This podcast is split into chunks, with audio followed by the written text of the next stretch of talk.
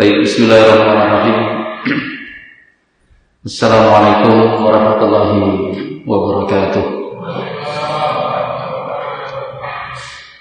Innal hamdalillah nahmaduhu wa nasta'inuhu wa nastaghfiruh wa na'udzu billahi min shururi anfusina wa min sayyiati a'malina. Man yahdihillah fala man yudlil fala hadiya lahu.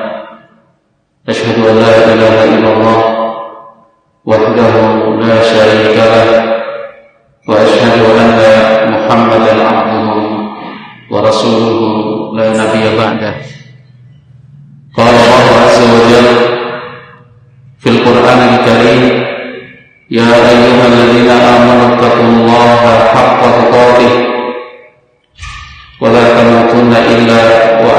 وأنتم مسلمون فإن أصدق الحديث كتاب الله وخير الهدى هدى نبينا محمد صلى الله عليه وسلم وشر الأمور محدثاتها فإن كل محدثة بدعة وكل بدعة ضلالة وكل ضلالة في النار Masyarakat muslimin yang berbahagia Ada beberapa riwayat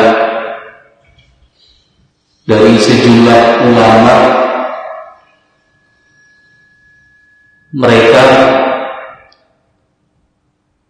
sepanjang tahun di antara doa-doa yang dirangkaikan dan dipanjatkan terkait dengan bulan Ramadan. Jadi kalau satu tahun itu dibagi menjadi dua separuh tahun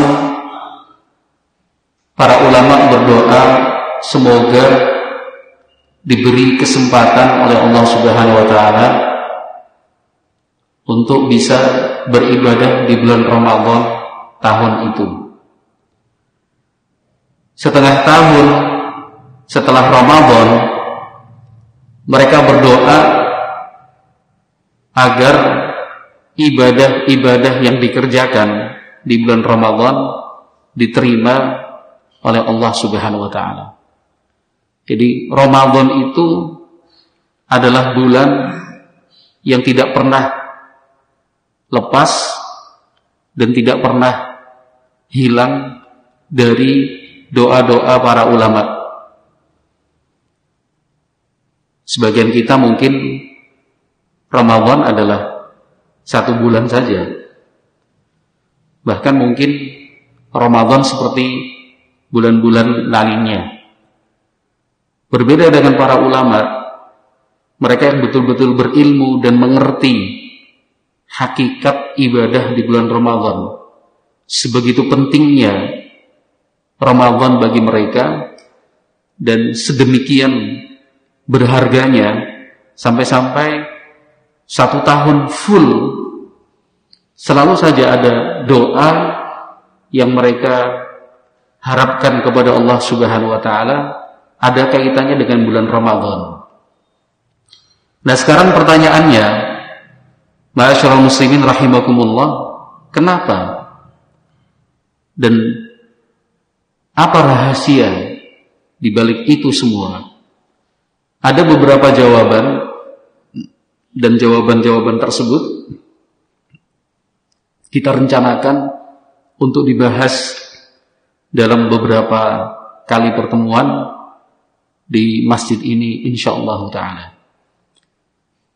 Alasan yang pertama karena janji dan jaminan dari Allah Subhanahu wa taala bagi mereka yang menjalani ibadah di bulan Ramadan dengan baik dan benar mendapatkan ampunan dari Allah Subhanahu wa taala. Bersih sebersih kapas bening sebening air dosa-dosanya diampuni oleh Allah Subhanahu wa taala. Kita sama-sama tahu dan mestinya merasa dan juga harus sadar dalam hari-hari yang kita jalani banyak dosa yang kita perbuat. Ada kesalahan-kesalahan yang dilakukan baik kita sadari maupun tidak. Ada sekian kekeliruan-kekeliruan yang kita perbuat. Baik kekeliruan itu terhadap diri kita sendiri, pada orang lain, keluarga, tetangga, atau orang lain secara umum. Nah, kita berharap dengan selesainya bulan Ramadan nanti,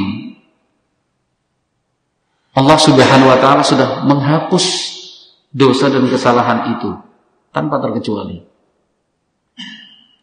Rasulullah Shallallahu Alaihi Wasallam mengajak kita untuk berpikir kesempatan untuk diampuni oleh Allah Subhanahu wa taala. Peluang yang Allah beri agar dosa-dosa itu digugurkan adalah sebuah kesempatan emas, peluang yang sangat baik Nah Rasulullah mengajak kita untuk berpikir kalau kesempatan itu terlewatkan begitu saja, rugi ataukah tidak? Peluang yang sedemikian baik itu kalau berlalu tanpa dimanfaatkan sebuah kerugian ataukah tidak?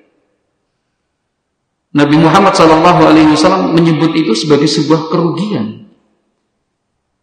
Kesempatan dosa-dosa itu terhapus tidak dimanfaatkan dengan sebaik-baiknya. Maka beliau bersabda, "Raghima anfu rajulin dakhala alaihi Ramadan fansalafa minhu wa lam yughfar lah." Yang artinya celaka dan sungguh rugi seorang hamba yang Allah beri kesempatan beribadah di bulan Ramadan. Ada kesempatan itu sebenarnya. Tetapi ketika bulan Ramadan itu selesai, rampung, berakhir antara tanggal 29 atau tanggal 30 Ramadan. Falam yughfarlah orang itu tidak mendapatkan predikat dan status seorang hamba yang diampuni oleh Allah Subhanahu wa taala. Itu sangat rugi sekali. Kesempatan baik kok disia-siakan.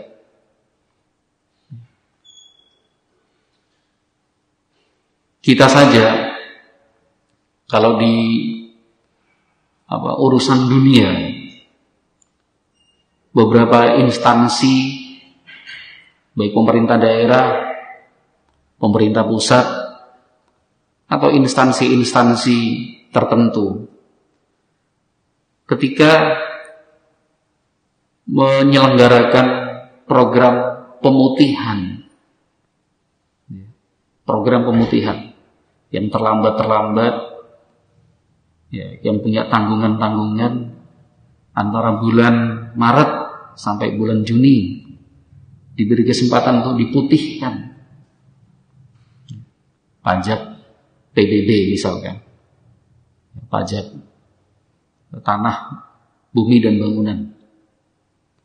Pemerintah daerah mengatakan silakan, ya walaupun apa punya tanggungan 5 tahun, 10 tahun, ini kesempatan. Karena pemerintah daerah ingin mendata lebih baik. Ini kesempatan, tidak ada denda, tidak ada syarat-syarat khusus. Yang penting datang membawa sertifikatnya putih semua atau pemutihan kendara uh, dokumentasi uh, kendaraan bermotor misalkan diputihkan betul-betul nol rupiah yang penting datang melaporkan ini dokumentasi yang saya punya surat-surat kendaraan bermotor putih saya yakin kita sepakat Ketika program itu diselenggarakan kemudian tidak dimanfaatkan, orang ini nggak ngerti kesempatan. Itu Pak Kapolsek ya. Ada kesempatan diputihkan. Tidak ada denda, bahkan tidak bayar sama sekali. Nah, masyarakat muslimin rahimakumullah, bulan Ramadan itu satu tahun sekali. Satu tahun sekali. Kita diajak untuk memanfaatkannya. Dengan fasilitas apa? Dosa-dosa dan kesalahan yang kita lakukan itu dihapus dan diampuni Allah, oleh Allah Subhanahu wa taala. Maka kalau kita membaca hadis-hadis Rasulullah sallallahu alaihi wasallam yang menjelaskan tentang ibadah di bulan Ramadan itu dikaitkan dengan ampunan dari Allah Subhanahu wa taala. Termasuk hadis yang sudah kita baca di depan tadi. Hadis yang lain Hadis riwayat Bukhari dan Muslim dan ini sering kita dengar. Kata Rasulullah sallallahu alaihi wasallam, "Man shama Ramadhana imanan wa ihtisaban, ghufira lahu ma taqaddama min dzambi."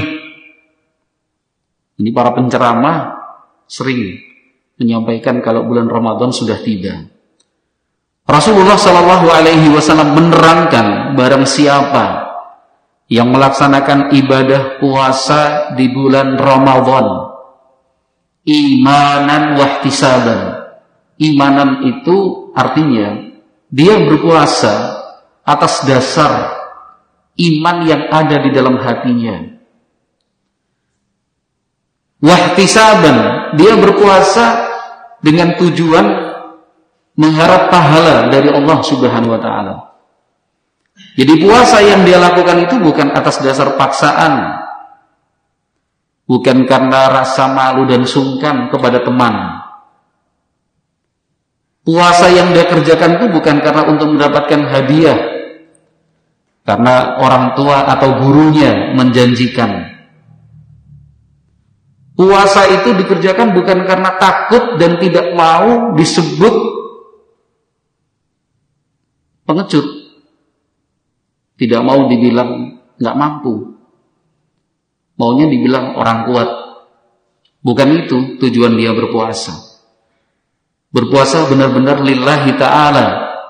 Betul-betul karena berharap ridho dari Allah subhanahu wa ta'ala. Nah, orang yang berpuasa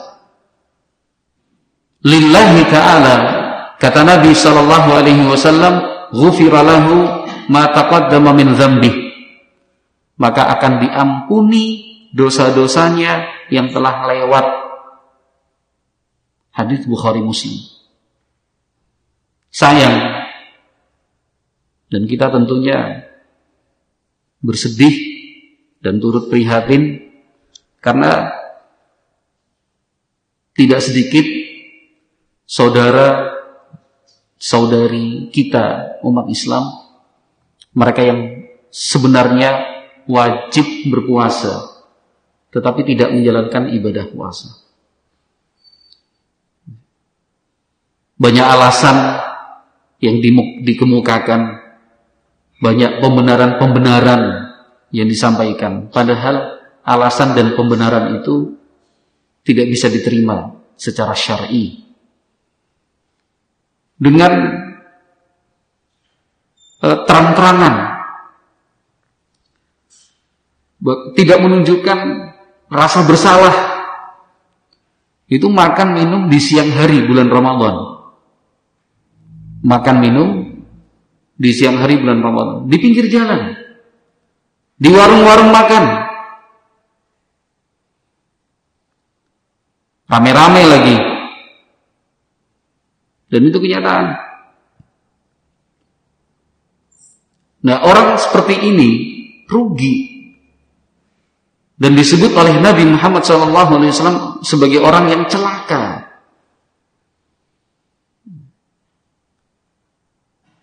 Berpuasa. Allah Subhanahu wa taala akan memberikan ampunan. Hadis yang ketiga, Rasulullah sallallahu alaihi wasallam bersabda, "Man qama ramadhana imanan wa ihtisaban, ghufira lahu ma taqaddama min dhanbihi." Hadis Bukhari Muslim juga.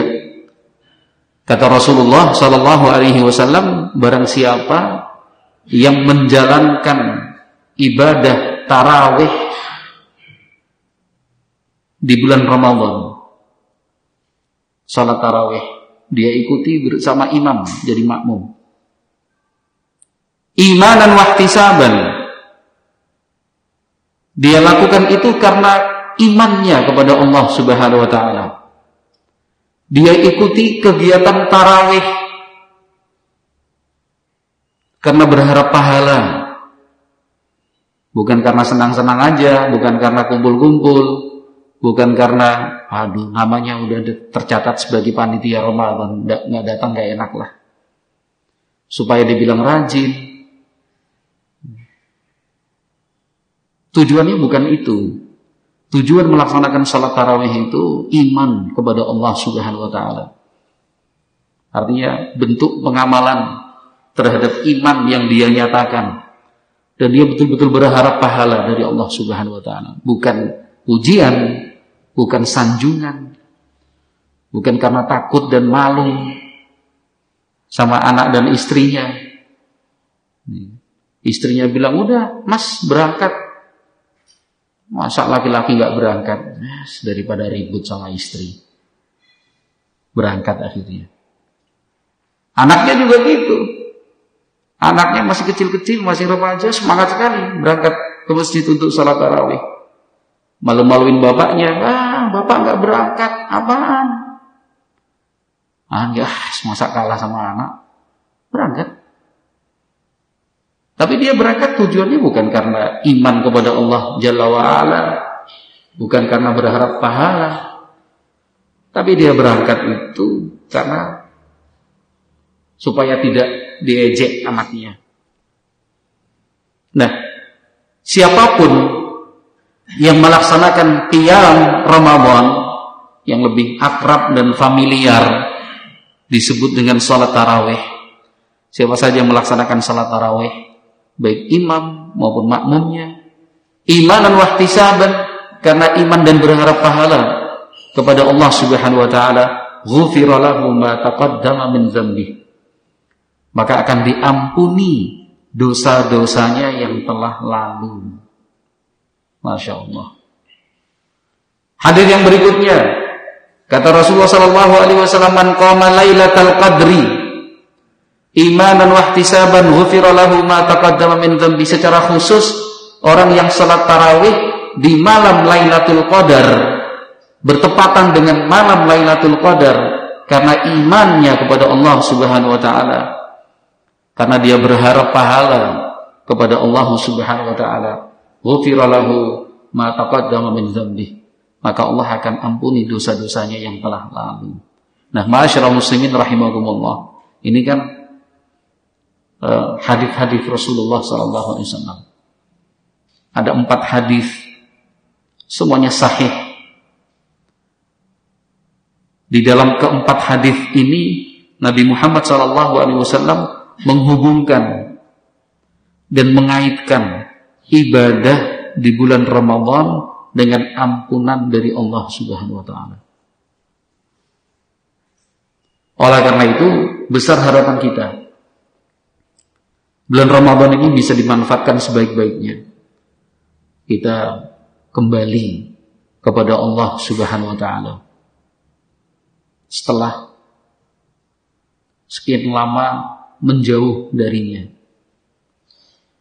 Ini kesempatan dan momentum yang sangat tepat kita mendekat kepada Allah Subhanahu wa taala. Setelah berbulan-bulan lamanya rumah Allah pun jarang kita datangi.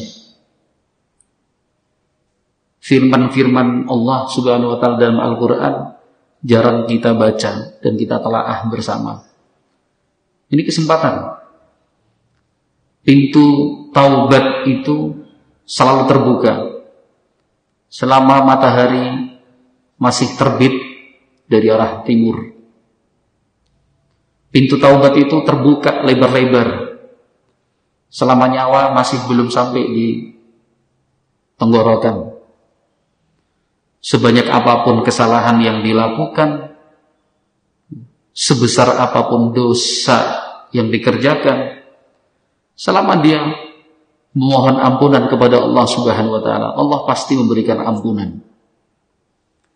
Kita tentu uh, pernah mendengar bagaimana Allah Subhanahu wa taala memperlihatkan kasih sayangnya dan juga menunjukkan untuk kita rahmatnya yang begitu luas.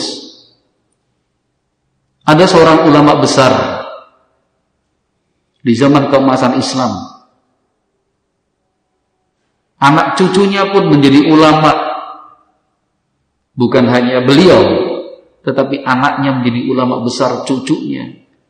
Sebuah keluarga yang soleh. Padahal latar belakang ulama itu adalah seorang begal besar seorang perampok jalanan. Kita mendengar nama Al-Fudail bin Iyal rahimahullah. Al-Imam Az-Zahabi di dalam Sirah Alamin Nubala menyebutkan cerita itu dari anaknya Al-Fudail. Karena Al-Fudail bin Iyad rahimahullah syatiran yaqta'u tariqa baina Abi Ward wa Sarakhsa. Fudail bin Iyad namanya Fudail bin Iyad. Itu dulu seorang perampok besar. Bukan pencopet kecil. Bukan maling ayam. Atau pencuri jemuran pakaian bukan. Perampok besar. Daerah operasinya antara kota Abiward dan Saraks di daerah Khurasan sana.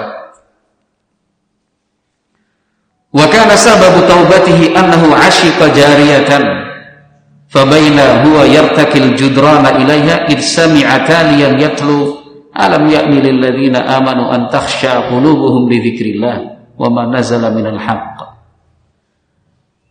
Beliau bertaubat betul-betul berhenti dari profesinya yang suka merampok itu. Apa sebabnya? Dia jatuh cinta kepada seorang gadis.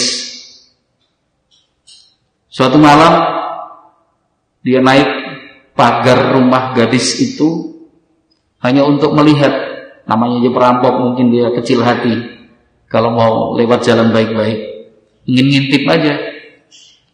Nah ketika naik tembok pagar rumah si gadis itu ada suara yang melantunkan ayat suci Al-Quran berbunyi Alam ya'ni ladzina amanu an takhsha'a qulubuhum li dzikrillahi wa ma minal haqq? Yang artinya apakah belum tiba saatnya bagi orang yang beriman itu hatinya tunduk mengingat Allah tunduk kepada kebenaran yang Allah turunkan belum cukupkah Artinya kalau mau ditafsirkan ya banyak, belum cukup dengan dosa-dosa yang sudah dilakukan. Masih belum merasa puas dengan maksiat-maksiat yang dikerjakan selama ini. Mau sampai kapan? Mau berhenti kapan kalau bukan saat ini? Nah, ayat itu terdengar oleh Al-Fudail bin Iyad Falamma sami'a qala bala ya rabbi qad ana. Itulah hidayah itu kalau Allah berikan tidak perlu debat panjang. Tidak harus putar sana dan putar sini. Ayat itu ketika terdengar entah siapa yang membaca. Tapi yang jelas Al-Fudail waktu itu mendengar ayat tersebut dibaca. Langsung Al-Fudail mengatakan, "Benar ya Allah, sudah tiba saatnya. Sekarang saya bertaubat." nggak perlu dipukuli, nggak harus dimasukkan penjara, kemudian dijeruji. Hidayah memang mahal sekali. Hidayah itu memang di tangan Allah Subhanahu wa taala. Malam itu galau kan? Fudail bin Iyad ini galau. Pengen tobat, pengen baik. Dorongan itu sudah besar muncul Akhirnya beliau malam itu ingin menginap di sebuah reruntuhan bangunan. Ada bangunan yang sudah tidak dipakai lagi. Beliau ke sana untuk istirahat. فإذا فيها سابلة فقال بعضهم نرحل وقال بعضهم حتى نصبح fa inna fudailan 'ala tariqi yaqar ketika sampai di bangunan yang apa reruntuhan tadi yang sudah nggak dipakai malam gelap. Sampai di reruntuhan itu Fudail mendengar percakapan rombongan orang. Sebagian dari mereka memaksa sudahlah kita lanjutkan aja perjalanan walaupun malam hari. Yang lain bilang jangan. Jangan sekarang. Nunggu pagi. Kamu nggak tahu ini daerah operasinya perampok Fudail itu loh. Kalau kita lanjutkan perjalanan malam ini, kita nanti dirampok sama si Fudail. Disebut namanya Fudail. Qala fafakkartu Fudail cerita kepada anaknya pada waktu itu kemudian saya tersentuh saya berpikir wa qultu ana as'abil laili fil ma'asi wa qaumun minal muslimin hahuna yakhafuni kata Fudan saya berpikir saya melakukan kejahatan sepanjang malam. Merampok. Sementara ada orang-orang muslim di tempat ini mereka ketakutan mendengar namaku. Wa ma arallaha saqani ilaihim illa dan saya yakin saya dibawa oleh Allah ke tempat ini supaya saya berhenti dari perbuatan merampok. Allahumma inni qad tubtu ilaika wa ja'altu taubati mujawaratal baitil haram. Ya Allah, sungguh mulai detik ini saya bertaubat dan wujud taubat saya pindah ke Mekah dekat dengan Masjidil Haram dengan Baitullah Al-Ka'bah. Akhirnya beliau tinggalkan semua kehidupan di sana. Beliau hijrah ke Mekah, mendekat ke Ka'bah. Di sana kemudian dalam perjalanan beliau kemudian belajar kepada para ulama mantan perampok. Bukan perampok kecil, perampok besar. Dari Khurasan. Khurasan sekarang daerah Persia. Dari Irak, kemudian ke Syam, Madinah, sampai Mekah. Dalam perjalanan itu, Al-Fudail belajar kepada sejumlah para ulama. Sampai di Mekah beliau juga belajar. Jadi hari-hari diisi dengan ibadah, belajar, mengajar, ibadah, belajar, mengajar. Sampai menjadi ulama besar. Anaknya pun Ali, demikian juga Al-Fadl menjadi ulama-ulama besar, cucunya pun demikian dan seterusnya. Artinya, ma'asyiral muslimin rahimakumullah, kesempatan untuk bertaubat itu sangat terbuka. Ya. Perbuatan jahat seperti yang dilakukan Al-Fudail saja, seorang perampok besar di zamannya. Ya. Allah Subhanahu wa taala tunjukkan bisa berhenti, bisa berubah. Bukan hanya menjadi orang biasa lagi seperti keumuman orang, menjadi seorang ulama besar bahkan. Itu kan rahmat dan kasih sayang Allah Subhanahu wa taala untuk untuk hambanya.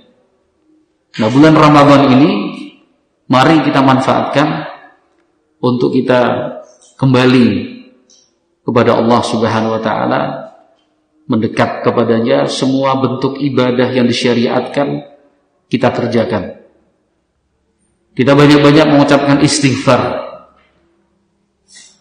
Bakar Ibnu Abdullah Al-Muzani rahimahullah seorang ulama beliau mengatakan antum tukthiruna minal dhunub fastaghfiru minal istighfar fa inna rajula idza wajada fi sahifatihi baina kulli satrain istighfaran sarrahu maka dzalik Kata beliau rahimahullah, kalian banyak berbuat dosa. Maka sering-seringlah istighfar.